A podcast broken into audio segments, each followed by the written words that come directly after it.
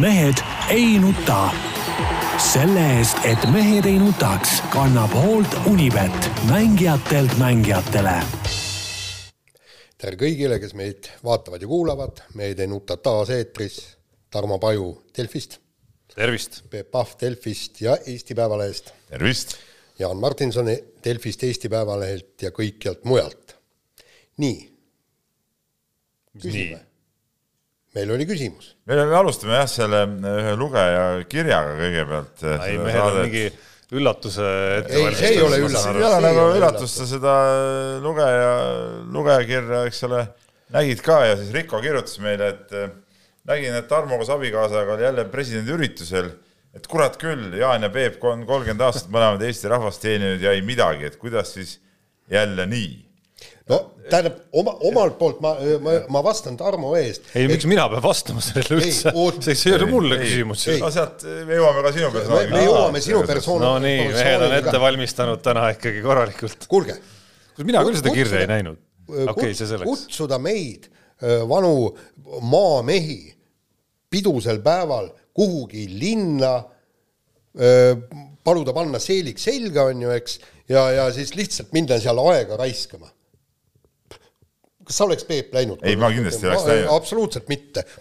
parem ikkagi oma koduaias rahulikult veini kuugata, koos abikaasaga raamatut lugeda, vot see on õige. mina oleks läinud muidugi muudel põhjustel ja ma tahtsingi Tarmo käest küsida nagu, et et vaatasin Kaitseliidu juht ka, ütleme, lõi selja sirgu ja ütles, et las niisugused üritused jäävad rohkem nendele ma selle tühise inimese nime ei hakkagi nimetama, kellele see üritus rohkem sobiks, kas sa nagu samastad ennast siis nagu nende kleidikandjate ja, ja seelikukandjatega, et sa sinna üritusele ikkagi nagu läksid?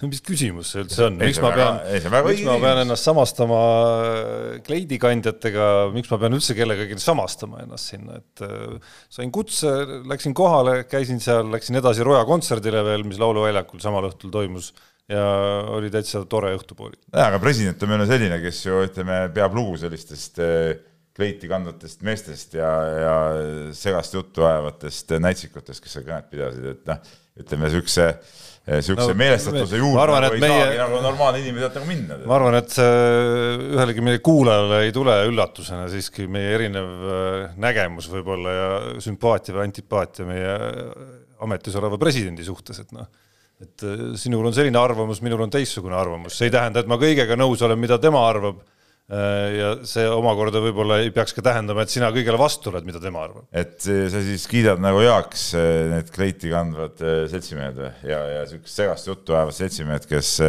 räägivad sellest, kui, kui ohtlik on päris perekond lastele ja naistele.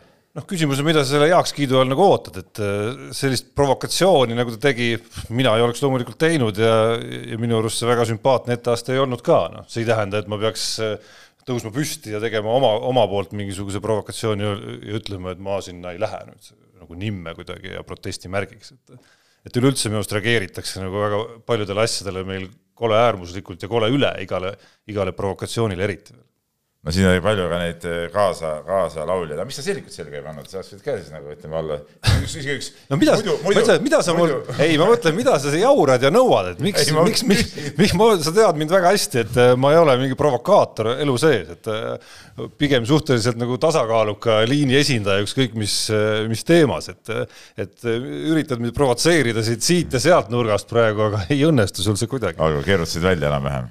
Ma tahan öelda, kusjuures, kui ma siin mainisin juba, Äh, kui see jutt sinna korra läks ja mu suust kõlas läbi juba, et kogu selle tohutu kirgliku nädala, mis siin noh, kui vaatate seda ühiskondlikku möllu, mis käis küll äh, Pärnitsa, küll Sveta Grigorjeva, küll presidendi mis iganes teema ümber tegelikult ja mitte ainult Eestis, vaid maailmas, siis tegelikult, mis oli nädala kõige ägedam asi?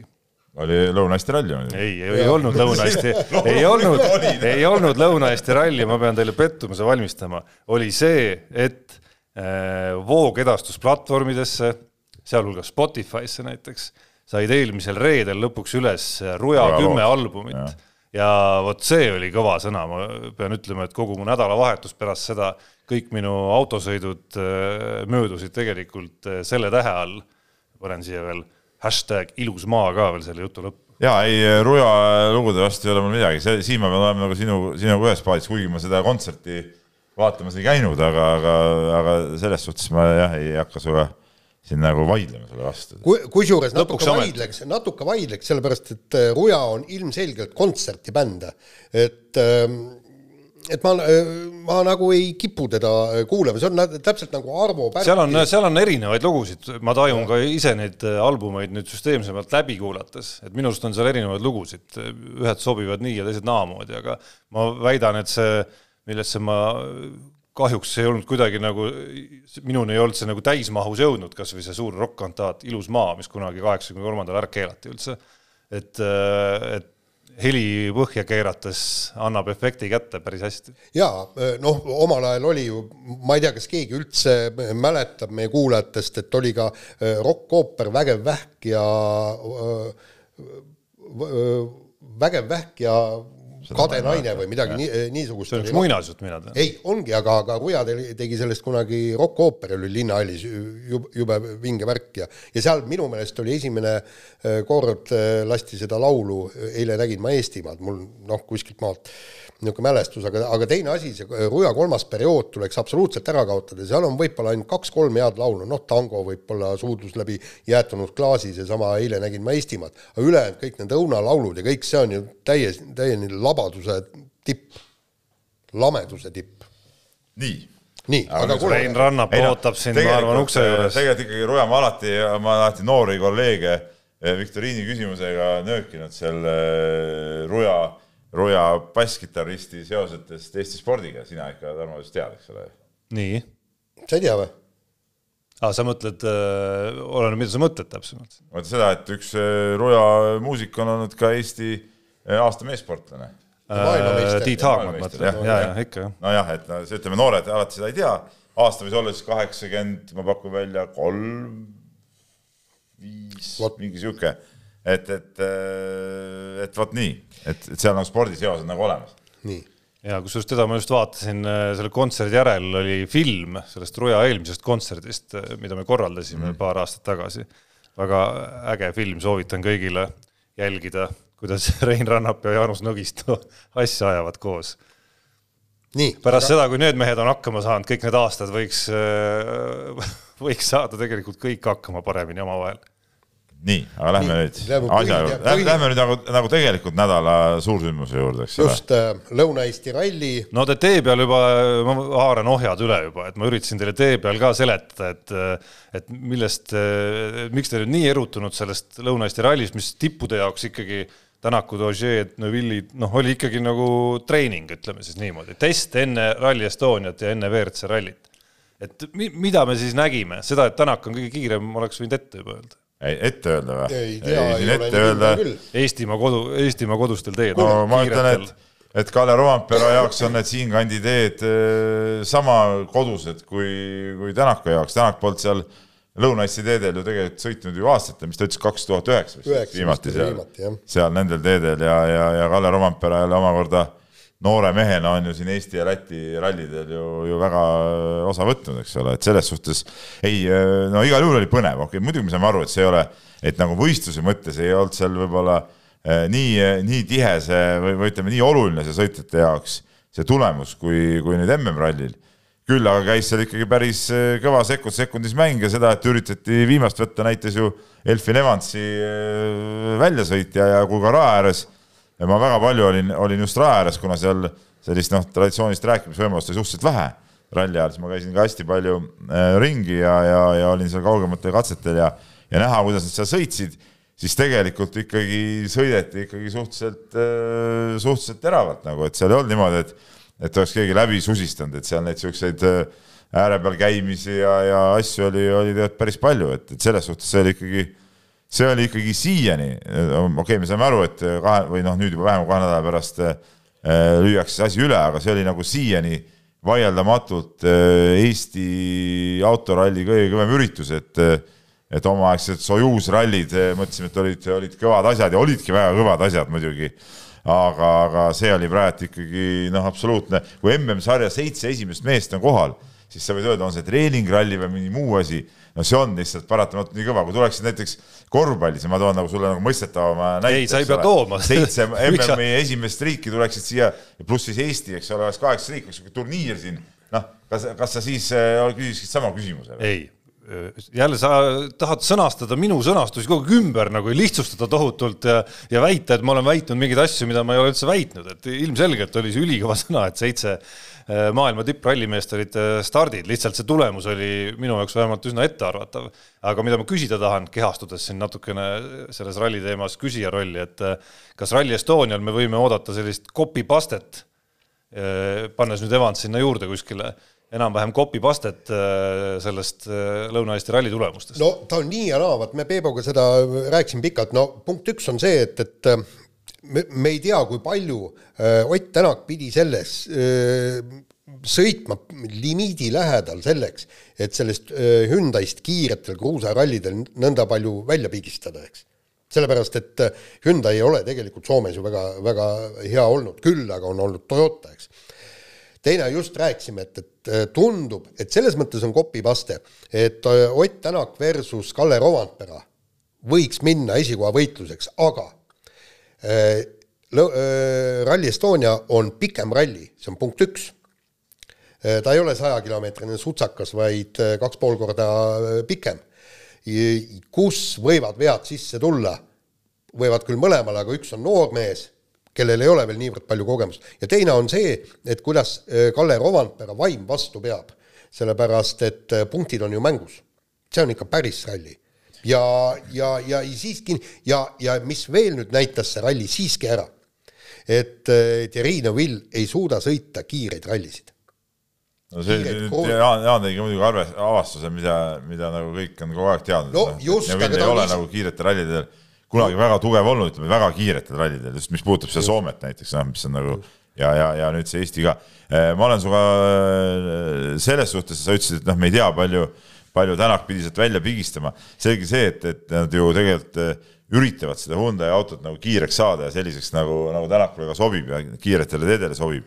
et selleks pidi ta ikkagi ju, ju nendel lõikudel, mis siin sõita olid, pidigi proovima võtta, võtta ikkagi nii palju sellest välja, kui ja nendest teatud seadistustest, mida nad proovisid, on võimalik võtta, et selles suhtes ta ei läinud ju kindlasti poole gaasiga sõitma, et sellest ei oleks mingit kasu nagu olnud. see on esimene asi, teine asi, sa rääkisid, ähm, et, kuidas Kalle Rompera närv vastu peab.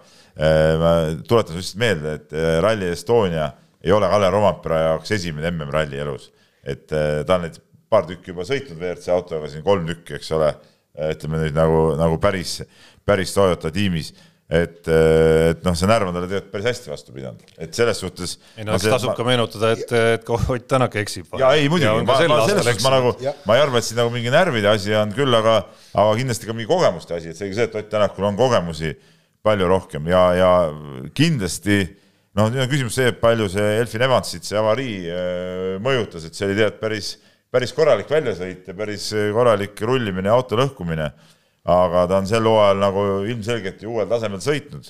et, et, et noh, see on niisugune võib-olla jääb nagu musta hobuse rolli, aga ma kindlasti usun, et äh, Ogier äh, on ka kindlasti siin mängus sees, sest et äh, kuna see auto on äh, ikkagi väga hea nende teede jaoks ja, ja, ja noh, ta ei ole võib-olla ka nii, ütleme, niisugune Soome ralli mees olnud väga, ütleme Soome ralli, Eesti ralli siin noh, sisuliselt sarnased aga, aga ta on siiski näidanud, et ta nende teede pealt saab, võib olla ka väga kiire ja on, on võiduvõimeline igal juhul. et, et selles suhtes nagu huvitav küll, et need M-spordi autodesse ma nagu küll ei usu, et, et nende kahju, kahjuks selle koroona ajaga vist tundub, et on seal tiimis ikkagi asjad väga-väga hapuks läinud, et, et ja ega need sõidumehed ka praegu võib-olla midagi, mis minu jaoks oli selle ralli üks suuremaid üllatusi, oligi see, et, et Teemu Suninen ei suutnud R5 autoga tegelikult näidata ju sellist kiirust, nagu tema staatus põhi-WRC sõitjana oleks nagu eeldanud, et seal oli ju isegi, isegi kiiruskatseid, kus ta, no ütleme, meie Georg Linnamäe, kes oli siin, ütleme, selle ralli võib-olla niisugune kõige äh, tõusvam, äh, tõusvam täht ja, ja, ja, ja, ja kõige huvitavam oli tema sõitu jälgida. neliveolise autoga R5-ga, no sõitis Suninega samas tempos, okei okay,, lõpus seal vahe läks küll sisse, aga sõitis samas tempos, et ja mida veel nagu jälgisin, oligi just Eesti meeste sõit, et, et mis ongi nagu huvitav nüüd vaadata, et kindlasti eh, Egon Kaur oma proto autoga sõitis eh, suhteliselt hästi seal R5 vahel, et kui ta nüüd saab eh, selle R5 kätte, et, et kuidas, kuidas Rally Estonia seal välja tuleb, aga kindlasti ta on võimeline sõitma seal ütleme esikolmiku piiri peal isegi ma pakun välja siin, siin, et see, see näitas ära, pluss siis okei okay,, see jah, see Linnamäe sõit ja, ja, ja kes muidugi näitas ka väga head sõitu selle uue R2 autoga on siis, mul jooksis aju kokku. noh, Jaan sa ju peaks ju ralli spetsialistina ka nüüd ikkagi nagu. no ma tegin ära, Virves jah, et ma ei tea, kuidas ma praegu lihtsalt hakkas nimi peas keerlema. et, et ta sõitis nüüd esimest korda selle uuema tüübi R2-ga ja, ja, ja, ja sõitis tegelikult ikkagi väga kiiresti ja, ja, ja ma usun küll, et, et tema võib siis juunior WRC arvestuses seal päris kõvasti vett segada. jaa, aga noh, ütleme ikkagi niimoodi, et, et see oli eelmäng suurele lahingule ja, ja tõesti, no praegu, praegu tundub ikka Rally Estonial läheb Ott Tänak versus Toyotad. ja, ja, ja kuidas seal nüüd need asjad, asjad klapivad ja kas Romantperal lubatakse, noh, ütleme, me, me loodame kõik väga, eks, et, et Ott Tänak on esimene Evans äh, no Rovanpera võiks nagu taktikalises mõttes ju saatagi nagu ütleme siis nagu survestama või? ei no survestama. riskima ja, ja lõpuks, survestama. lõpuks ja aga, aga ikkagi noh, mul natukene kahju on see, et, et, et no tundub, et äh, ikkagi Ott Tänak seekord jällegi oma tiimikaaslastelt abi ei saa ja just see, M-spordil on ju kaks Soome sõitjat, kes peaks äh, suutma nendel kiiretel rallidel hästi sõita, aga noh, paraku testida nad ei saa. Äh, noh, autod on ka nii, nagu on, ma arvan, et, et nad ei ole kui palju nad on neid arendanud, et ikkagi läheb lahinguks Tänak versus Toyotad. ja seal see üks huvitav nüanss saab olla, kui sa rääkisid siin, et Rovanpera noor ja võib eksida ja nii edasi, et ega Ott Tänak seisab Rally Estonial ju ka päris ainulaadse olukorra ees, koduralli nagu ülivõimas suursoosiku staatus, ma arvan, et isegi nendel kõige kiirematel Toyota hetkedel ei olnud äh, ta nagu nagu sellise soosiku koorma all, nagu ta nüüd saab olema Rally Estonial, noh, ma arvan, et iga mees, iga pressikonverents, iga intervjuu, mis siin enne rallit antakse, ükskõik kas Ogier või kellega, möödub selle tähe all, kuidas oi, ega me siin Tänaku vastu ikka ei saa. no jaa, aga Tänak ju teab seda Tänak ju teab ja. seda ja ta teab seda ju aastaid, et ta peabki olema öö, kiire ja ta, ja tal on ju kogu aeg hinge läinud see, et, et ta ei ole, kuni ta lõpuks selle Soome ralli ära võitis, eks. ta on kogu aeg hinge läinud, et ta peaks tegelikult sealsamas Soome rallil, kiirel kruusarallil olema esimene aga mis veel Ott Tänakut puudutab, siis ühe väikese pöörde selles teemas võiks ju tegelikult teha, et see hakkas silma juba rallijärgsel õhtul Aktuaalse Kaamera spordiuudistes, kus äh, Ott Tänak ilmselgelt äh, viskas ka ühe korraliku kivi. ja, ja niimoodi siin... praegu, Tarmo, ma nüüd ütlen sulle, mis, mis, mis kuradi Aktuaalse Kaamera spordiuudist, kas sa meie video oota, ei, loomulikult, loomulikult vaatasin ja lugesin ka ja lugesin ja lugesin ka järgnevaid äh, artikleid järgmisel päeval Päevalehes, kus, kus seda natukene oli ta veel pikemalt siis äh, lahti kirjutanud, kuigi pooleldi nagu mõistukõnena siiski, aga noh, ilmselgelt ühelgi asjaga kursis oleval inimesel või, või vähegi meediat jälgival inimesel ei, ei olnud vaja nagu pikalt mõelda, et seda lahti hammustada, kellele need suunatud olid.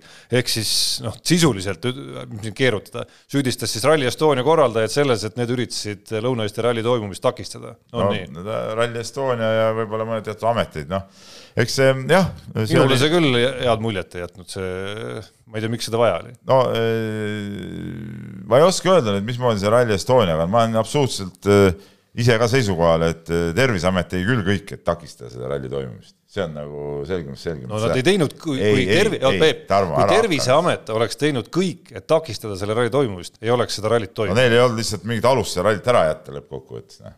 aga, aga, aga, aga selge on ju see, kui sa vaatad kogu seda ürituse korraldust ja seda, seal ju no nii nagu ütles ka Gabriel Müürsepp, et et äh, jäi selline tunne, nagu meil üritatakse kaikaid kodaratesse visata ja, ja see tunne oli oli kõik need paar nädalat, mis selle rallile eelnesid, mul endal täpselt samasugune, see oli nagu igast, igast olukorrast tunnetatav, et seal, et seal üritati Kaiket Kodarat. okei okay,, aga ma küsin siis uuesti, ma küsin siis uuesti, kas ta pida-, keda ta silmas pidas siis?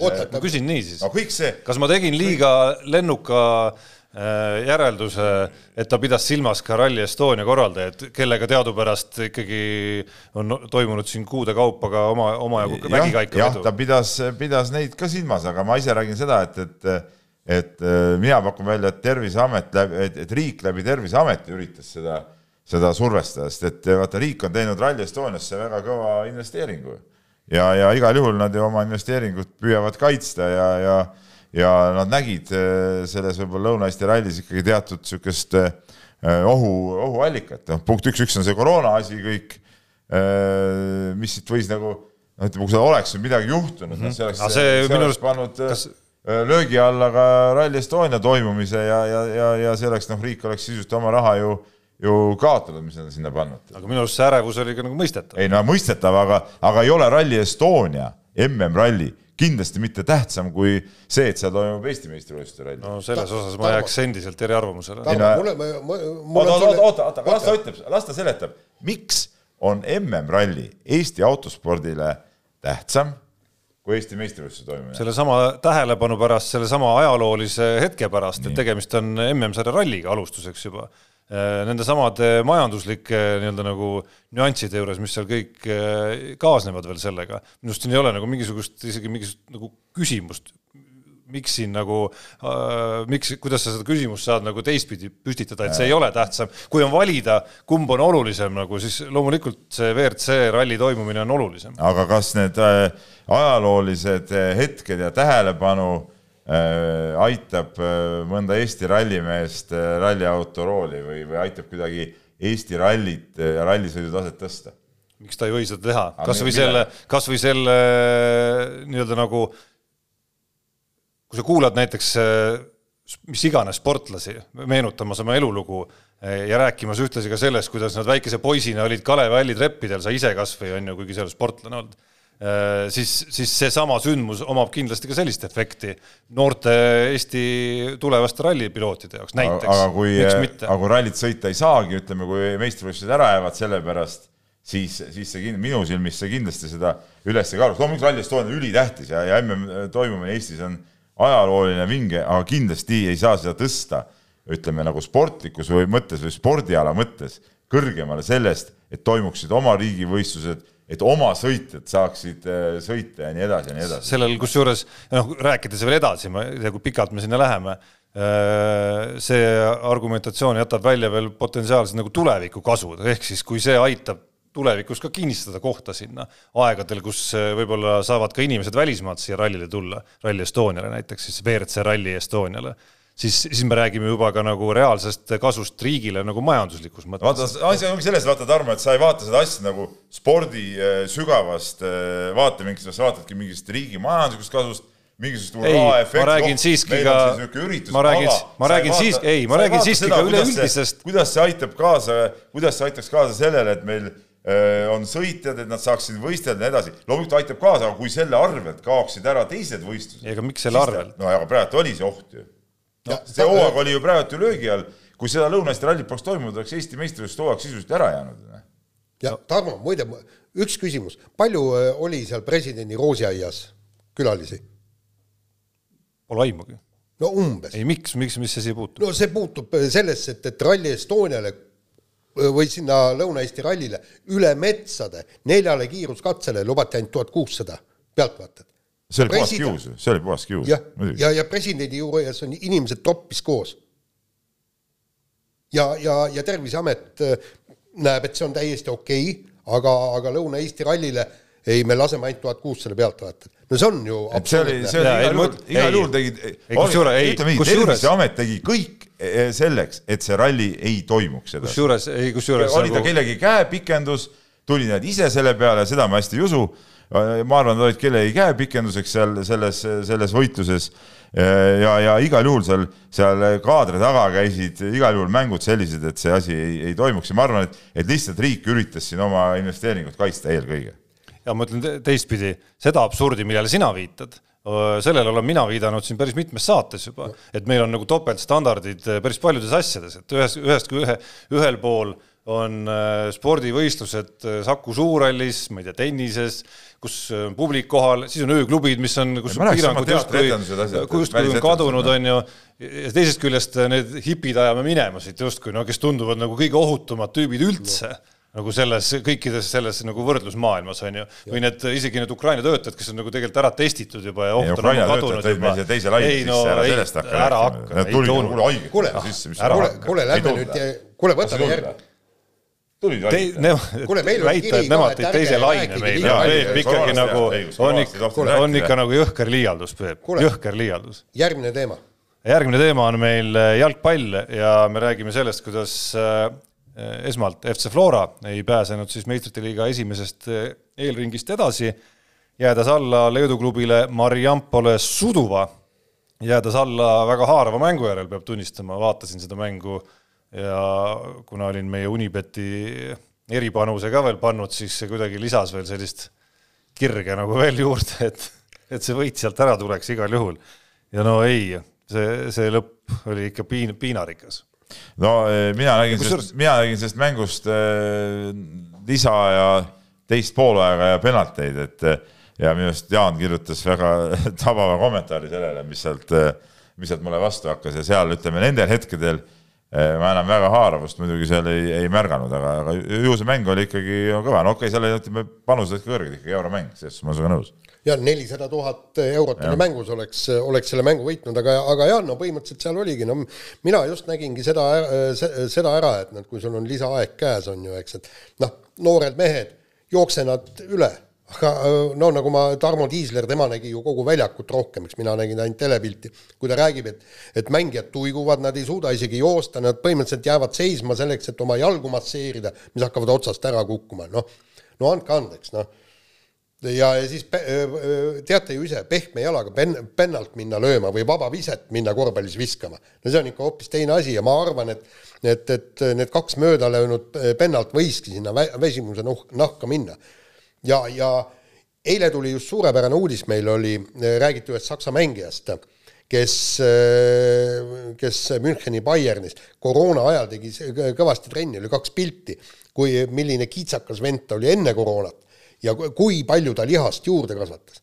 miks meie mängijad ei või füüsilise treeninguga koroona ajal tegeleda? ennast ajada nii vormi, et, et joostakse see muidugi lihtsalt üles üks, üks detail muidugi on, mis seda, mis seda Flora mängu kindlasti mõjutas, aga seda füüsilist väsimust, et, et sellise tiheda kalendriga ei ole minu arust kunagi mängitud, nagu Eestikaid praegu mängitakse, nad sisuliselt panevad ju vahepeal kaks, no mitte vahepeal, vaid päris tihti panevad siin kaks mängu nädalas ja suht tihedalt, lühikese ajaga nad päris, päris palju mänginud. Ja siit nüüd tulebki see tasemevahe, et, et kui kui ütleme, eestlased, noh, eestlaste tase nagunii ei ole nii kõrge, siis see selline tihe kalender on see, mis, mis need veel rohkem nagu tühjaks pigistab ja see lõi nüüd seal lisaajaga mängus lihtsalt välja. noh. Eks siin- no, no eks just aga noh, praegu oli just aega oma füüsist järele aidata, noh. eks siin on nagu kahetisi asju ju väga palju selle tulemuse juures, et eh, ega kuskil ei olegi seina peal kirjas, et nui neljaks Flora peab võitma Mariampol, et suht võrdsed klubid, suht, suht nagu noh, suht täiesti samas regioonis ka veel noh, sarnaste võimalustega, ütleme suurusjärkude mõttes.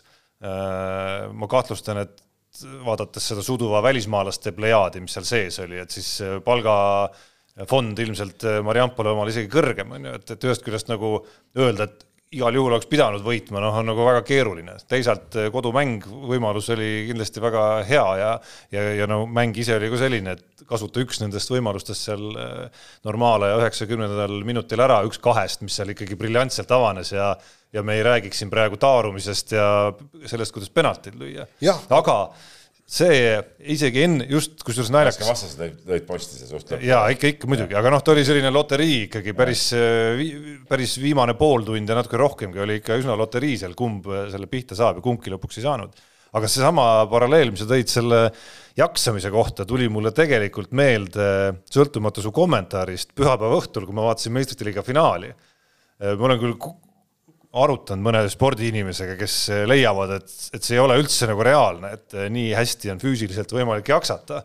et see peab olema võib-olla seotud kuidagi sellega, mida sa kirjutasid äh, siis reedeses LP-s, sellest, kuidas mingitel riikidel ja mingitel klubidel on võib-olla natukene võimu nagu rohkem ikkagi panustada taastumisse ja treenimisse ja kõikidesse sellistesse hallis alas olevatesse teemadesse, aga see, mismoodi Müncheni Bayerni mehed jaksasid joosta siis selles samas meistrite liiga finaali lõpuminutitel, kus BSG veel nagu natuke üritas, aga tegelikult ei suutnud midagi üritada, sellepärast et Bayerni mehed olid lihtsalt nii energiat täis veel isegi viimasel minutil.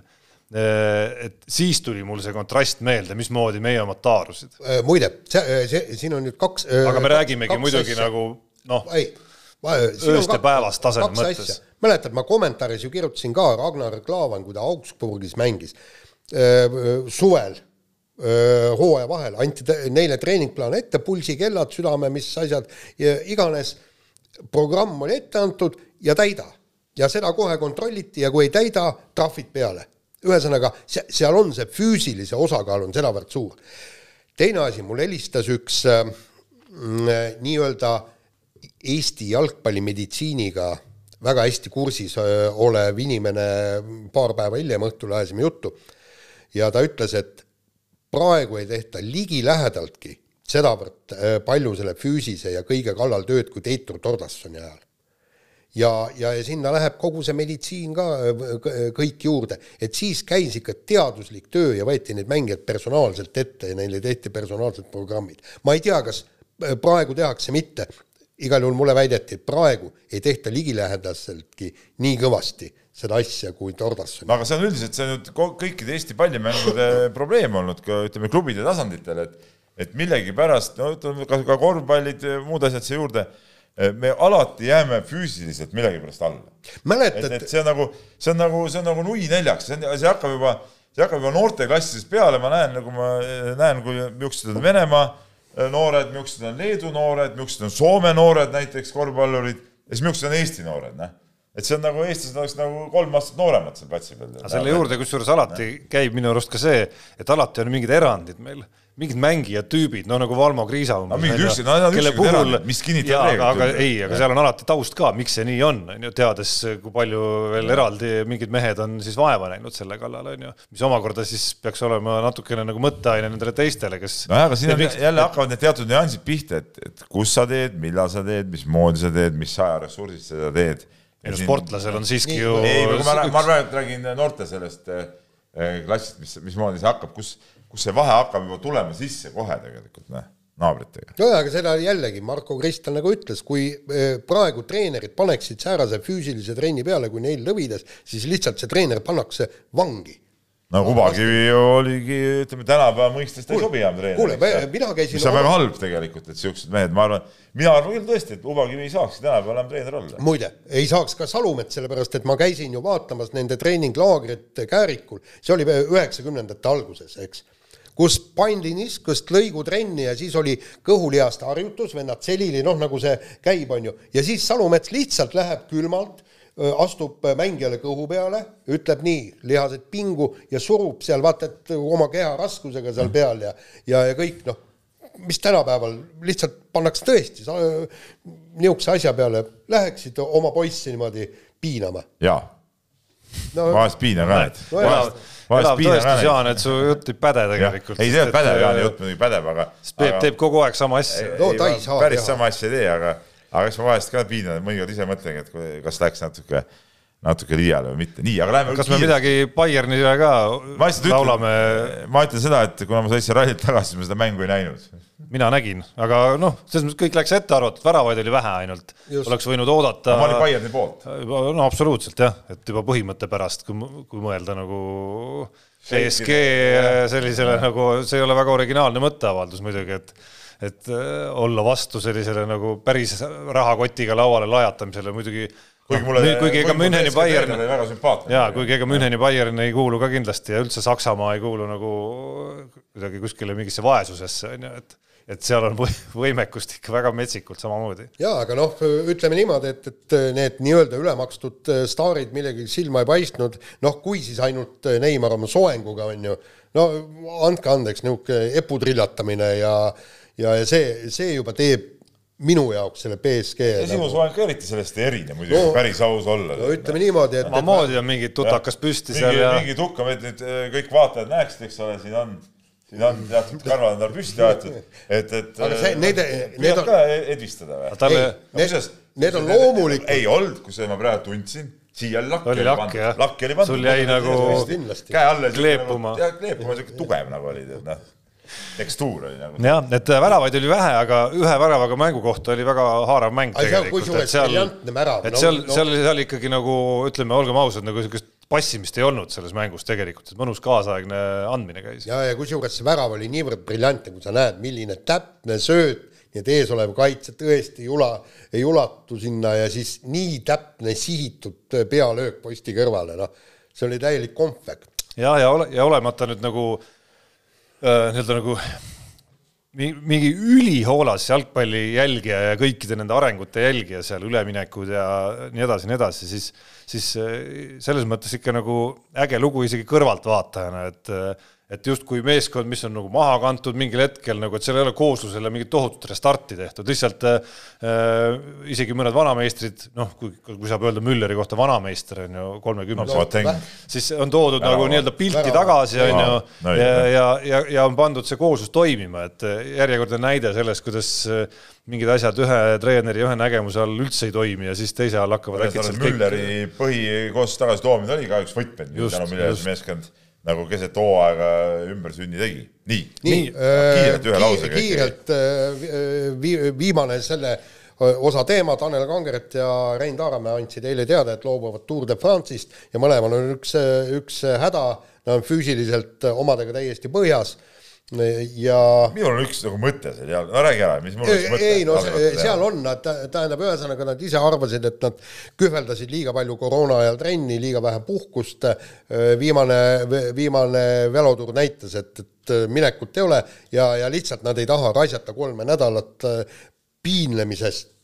piinlemiseks Tour de France'ile, sellepärast loobusid, kuid loodavad äh, Tanel Kangert siis äh, Girol ja Rein Taaramäe Vueltal midagi korda saata, et proovivad, saavad oma vormi selleks ajaks korda. või on pilk juba järgmises hooajas uute klubide ei, ma ütlen, ma ütlen nii, et, et kas ei ole nagu imelik, see, ma olen seda varem ka, Jaan, sinuga nagu rääkinud ja, ja arutanud, et äh, võib-olla ka siin saates oleme seda rääkinud.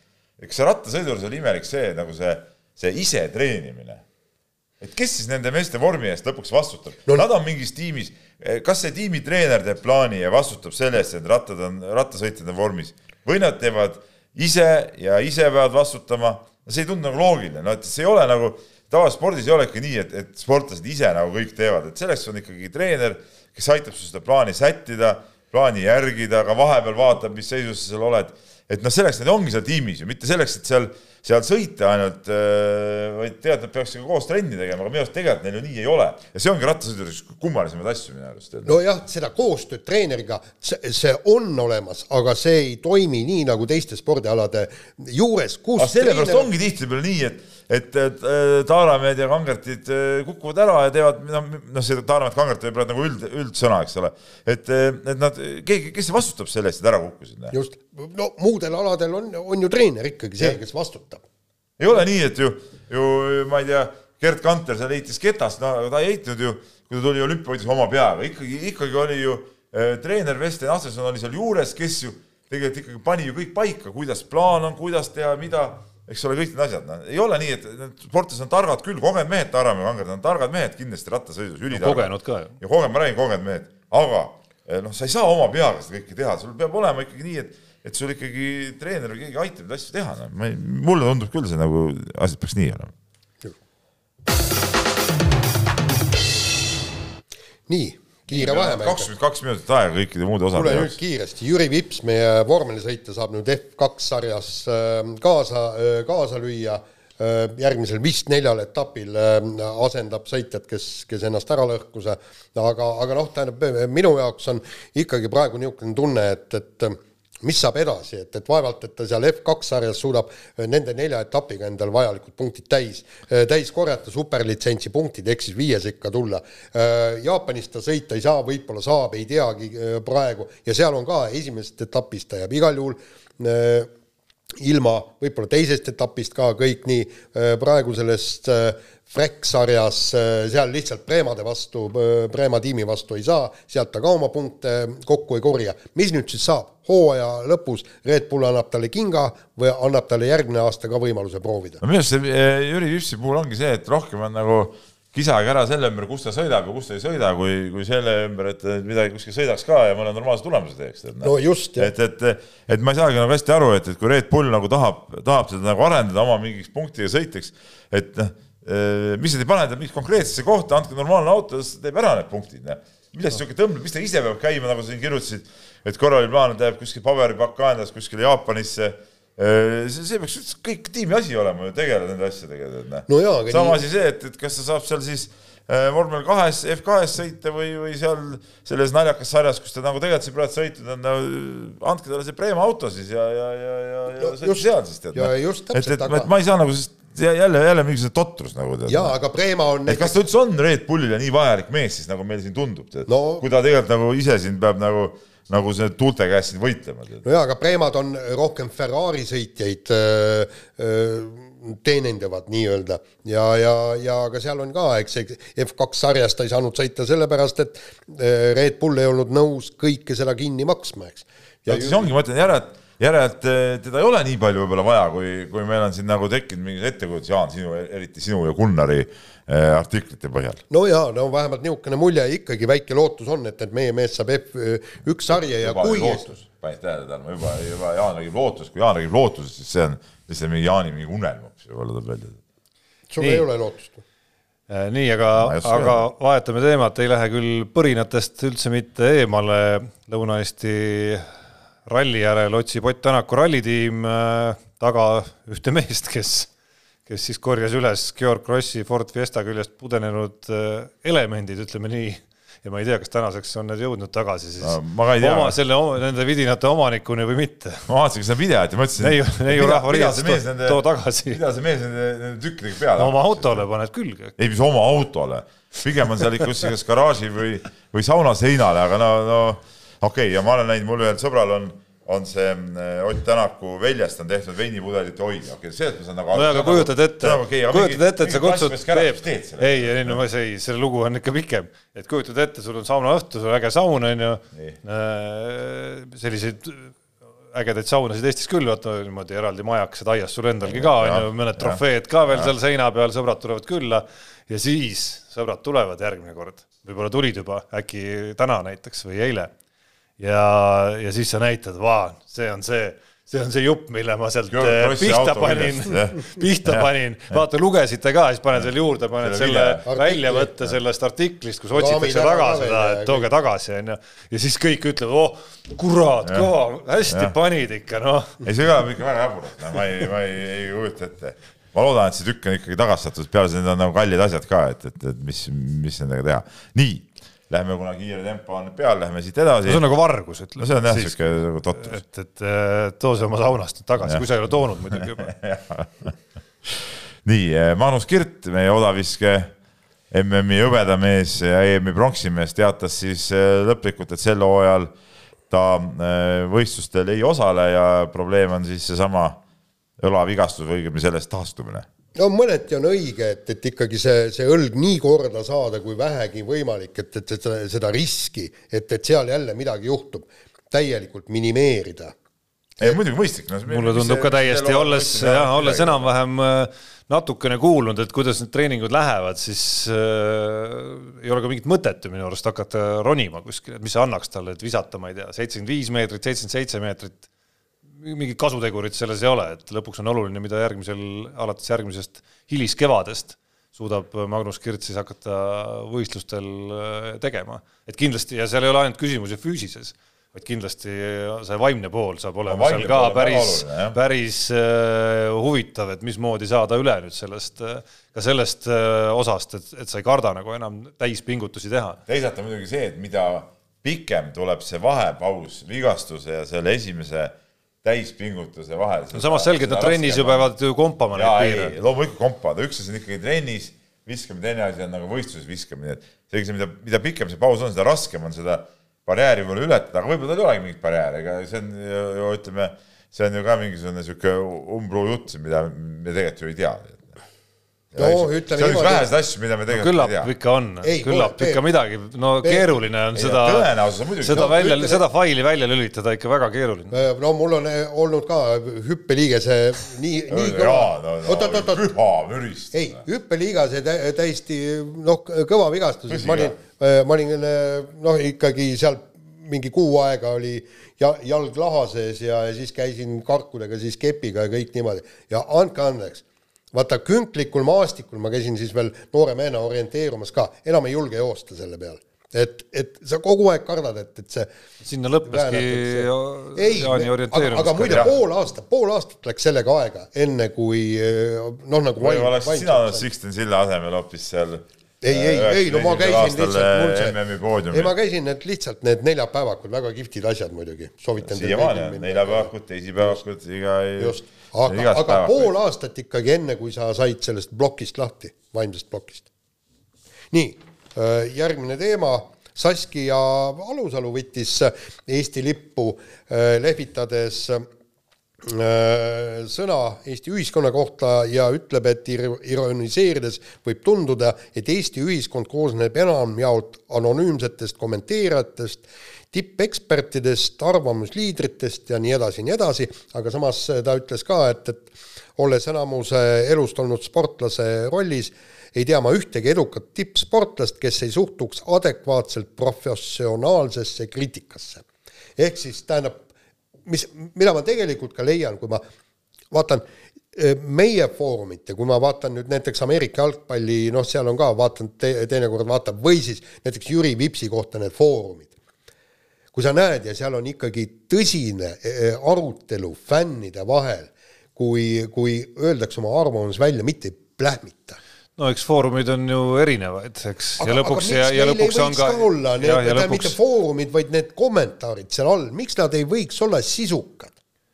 Äh, ja. nii, ma ütlen, ma ütlen vahele, et, et vahepeal tuli ka teade, et Krossi auto Stange on äh, tagastatud ja mehed lubasid testsõidul sõitu teha no. Teat, teatab Raido Mahlakas. no sealt saab sinna sauna juba hoopis parema asja. sealt saab parema asja. Selfie ka veel. siis siis nüüd jälle kiidame jälle heaks, et tublid, et võib-olla võtsiks selle ära selleks, et viia tagasi. et keegi teine ei võtaks ja, ja ei too tagasi jälle okei okay. ma sain vahepeal saate käigus riielda ka muuseas, ma ütlen. no see ei üllata äh,. Raul Sepper riidleb minuga, et, et ärge keera nii palju pead, ma ei tea, Jaan, kui ma edaspidi sinuga räägin, siis ma sulle otsa ei vaata. aga see, tulles tagasi Saskia Alusalu lause juurde, selle lau, teise lause juurde just, et, et ta ei tea ühtegi edukat tippsportlast, kes ei suhtuks adekvaatselt professionaalsesse kriitikasse, see on huvitav lause tegelikult, et ükskõik, kas äh, tulgu ta foorumitest, äh, ma ei tea, Peep Pahvi või mõne treeneri või no tõelise asjatundja suust et no ütleme nüüd... kõik kriitika, mis tuleb minu suust, ongi tõelise asjanduse suust tulnud, sa peaks seda teadma. ei no ma siiski, ma nagu siiski paigutasin. sa nagu üritasid nagu mingi. ma paigutasin need kahte nagu, erinevat kasti no, siiski, Peep. no see oligi praegu arusaamatu. see oli, see oli nagu arusaamatu, et, sa seda tegid muide, mis oli huvitav, aastaid tagasi, kui ma isegi veel mõningaid jalgpalliartikleid tegin ja, ja suht-. mina mäletan, kui Jaan Martinson käis USA-s jalgpalli MM-i. mina arvan, mina, ma, mina küll tean, mina küll mäletan ikkagi ka edukatest tippsportlastest näiteid, kes, kelle kriitikataluvus ei olnud võib-olla väga kõrge ikkagi. ei, aga seal oli muide huvitav, seal oli. et isegi niimoodi... fakti nentimine, et mm. sa eksisid, ma ei tea, selle koha peal, no mis oli fakt, et isegi see, see ei läks valulikult, on ja. olnud, et on tulnud ette küll jah, aga seal oli kust seda võtad, et ma eksisin?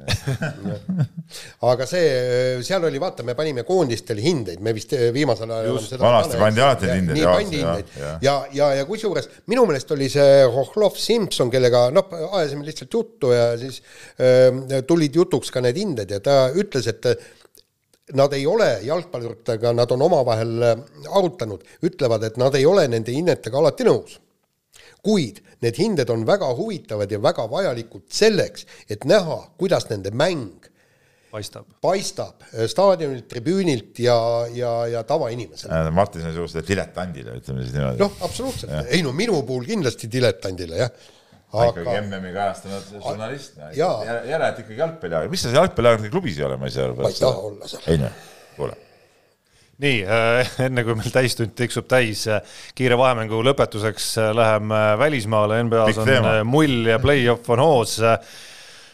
võiks ka rääkida spordist väga palju, eriti ka Luka Dontšitšist. Luka Dontšitši ja... eile, oota, see oli siis nagu eile öine või ütleme jah. no eilne ja. ikkagi meie aja juhtus siis, kui ma jõudsin rallilt koju parajasti ja siis juhtus, nii et ma enne magamaminekut sain, nägin seal viske ära. jah, vaatasin tema terve eilse eile koju minnes kogu viimase veerandaja lisaajaga üle lihtsalt veel.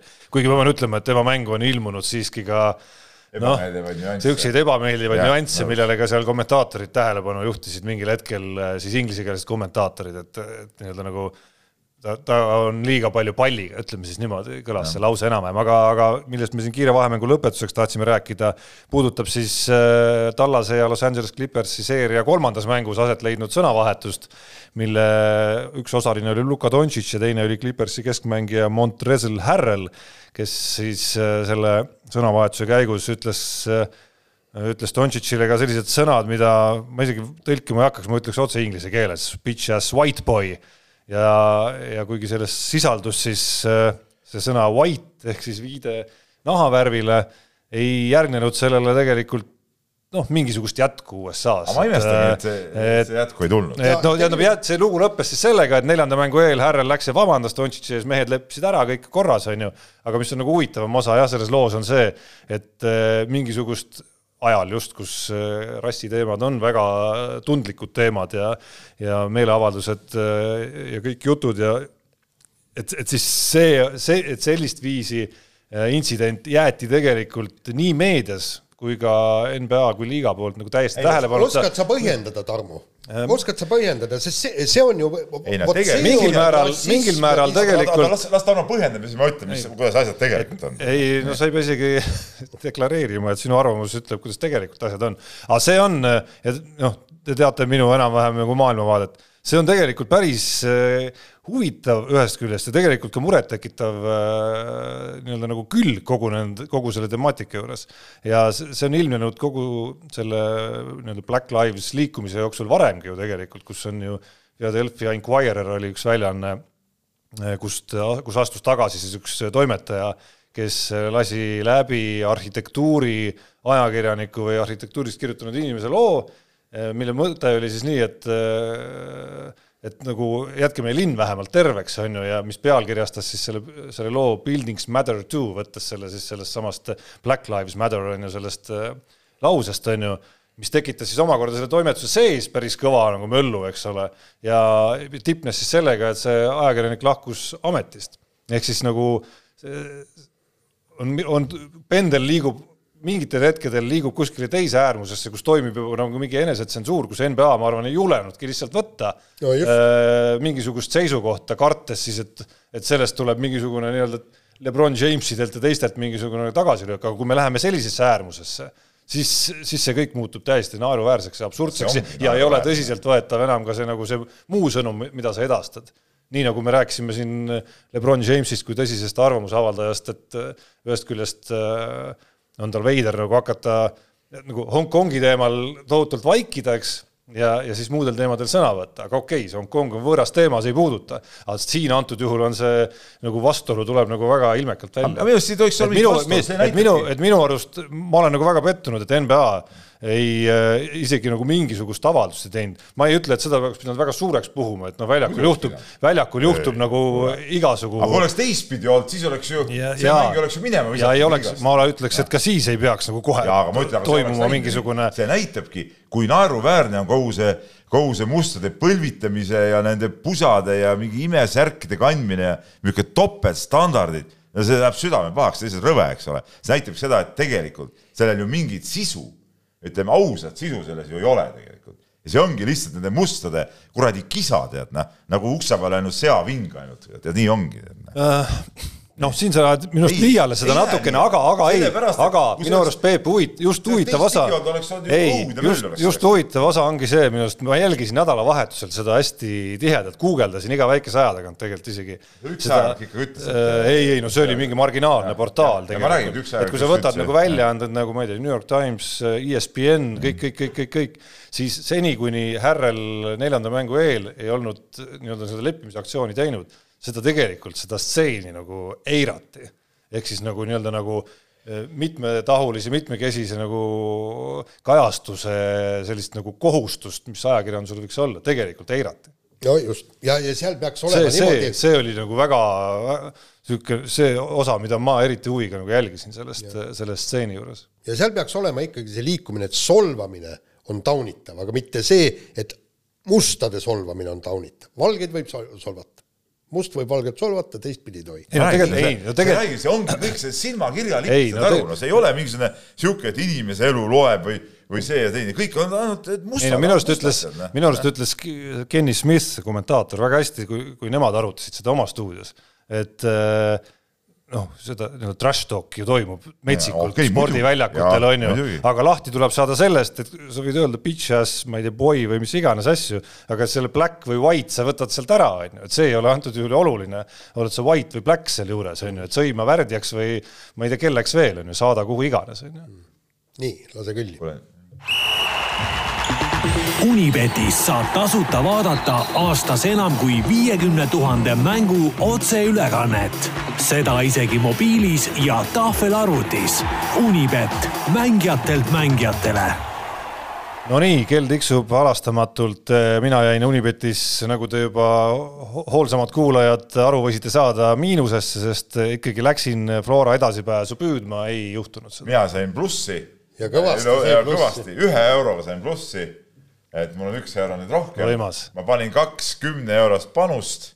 ühe keeras mul nässu Houston Rockets, mul oli neljane NBA rivi James Hardeni peale panustas. ei no mul oli neljane rivi pandud ja see tundus, et see võiks nagu niimoodi minna, eks ole.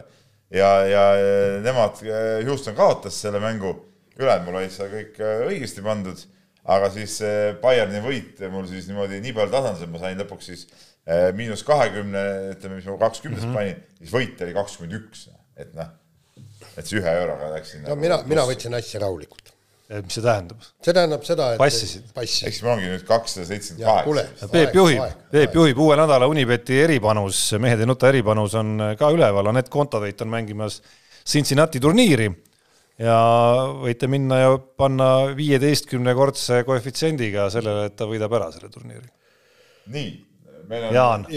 Peebule ka meeldivad siuksed nagu väärt, nagu, nagu panused, kus on nagu väärtust sees. väärtus sees jah. Anett väga hästi mängis eile. nii, aga meil on väga palju kirju ja meil on neli minutit aega, et hakkame siit otsast pihta ja, ja kirjutab meile Margus, et Henri Anier ütles, et ajaloo esimene euromäng toimub Leedus ja Kunstmuru väljakul. et see jutt käib siis Paide Paidest., Paide meeskonnast ja siis kirjast tuleb kohe välja. kuidas saab selline asi olla võimalik? ime, et kuskil kooli võimlas ei ole samamoodi, võimlas ei ole, et samamoodi võiks ju Cramo pidada VTA, VTB mängu eh, Alexela Arenal, no mis on siis teadupärast see välisväljak. no minu arust ka see on imelik. kõlas küll väga veidralt ikka. no järelikult seda piirangut ei ole ikkagi. noh. no just. aga see näitabki kogu selle, ütleme, kui see eurosarjade see madalama, madalam tase ongi ikkagi niisugune umbes ongi, mängivad peaaegu karjamaad. nii nagu me nägime videos, kus see äh, Vassiljev mängis seal Poola kuuendas liigas, eks ole, umbes, umbes niisugustel väljakutel äh, mängivadki neid asju. Ei ole kahjuks äh, teemaga nii palju kursis, et aru saada, kas see Žalgiris mängibki kogu aeg kõiki oma mänge siis kunstmurul või? no Ka läbi hooaja. no.. aga miks mitte? võimalik jah, nii, aga äh, Marko kirjutab meile ja üks tegelikult ka uudis, mida me siin saates ei käsitlenud, aga mis kindlasti väärib käsitlemist, puudutab siis Petter Nortugi, Norra suusaässa ja tema, temaga seotud uudiseid ja, ja nii kirjutabki Marko, et lugesin uudist, Nortugil on olukord hapu, mees on omadega täitsa põhjas, paneb kõvasti tilka, nakrud ka veel otsa. et ähm, küsibki siis, et äh, hakkasin mõtlema, et, et mis on see põhjus, mis viib säärase tulemuseni. näiteks siin äh, Mati Nüganen, Andrus Värnik, nüüd siis Nortug, eks ole, et kas see on suure töö järel tekkiv pingelang või miskit muud, mis viib sellise enesehävituseni. no samas, kui me räägime Nüganenist, mida me teame võib-olla rohkem, ma ei, no eks Andrus Värnikul ka, ega neil oli ju probleeme ka karjääri ajal, aga siis oli vähemalt sport see, mis, mis pani piirid peale, et millest üle ei saa minna, Mati Nüganenil oli ju noh, teinekord ju ikka võttis väikse äh, grammi sisse, enne kui Väikse., kui, kui hüppama läks. päris suure isegi vahel. jah, ja, ja, ja, ja võta nüüd siis see nii-öelda distsiplineeriv osa ära, noh.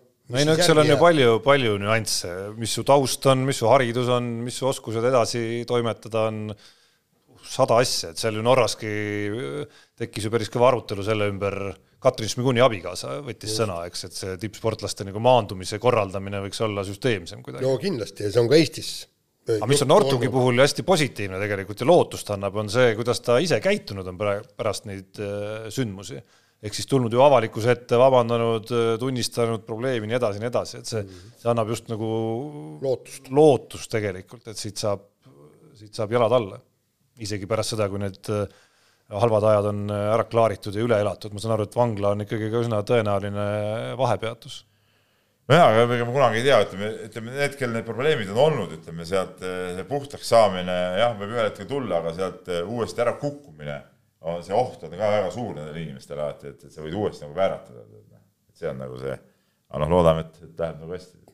nii vist kiiresti jõuame, üks minut on meil jäänud, jõuame võtta ühe kirja veel ja Joonas kirjutab meile Paide Arvamusfestivalilt, et ta käis seal vaatamas ja, ja, ja tal tekitas küsimus siis kokkuvõttes, et et räägiti igastest teemadest, aga spordile pühendatud, pühendatud debatti või eraldi lava, kuhu oleks koondunud Eesti Spordi Mõttekoda, rääk-, sellist asja nagu ei olnud et, et, et miks, miks see kõik muud asjad tähtsamad kui, kui sport Arvamusfestivalil. tead, me oleme, me oleme korra käinud seal. jaa, me oleme olnud, mina olin küll üle telesilla Londoni eh, kergesti MM-i tribüüni pealt, aga teie istusite seal ja ja ma mäletan, inimesed, mingi lava oli seal ja ma nii palju, kui ma ekraani pealt nägin ja inimesed istusid seal ja. ja, ja kusjuures mina olin ju seal ühes paneelis, oli väga huvitav paneel, oli tegelikult just see äh, laste liikumisharjumus, harjumus ja kuidas lapsed liikuma saada ja seal oli, seal tuli ka ja minu meelest see on tegelikult üks suuremaid probleeme Eesti ühiskonnas, et, et lapsed ei liigu, aga nii, lõpetame sellega saate ära, kuulake meid kunagi hiljem. mehed ei nuta saate tõi sinuni Unibet, mängijatelt mängijatele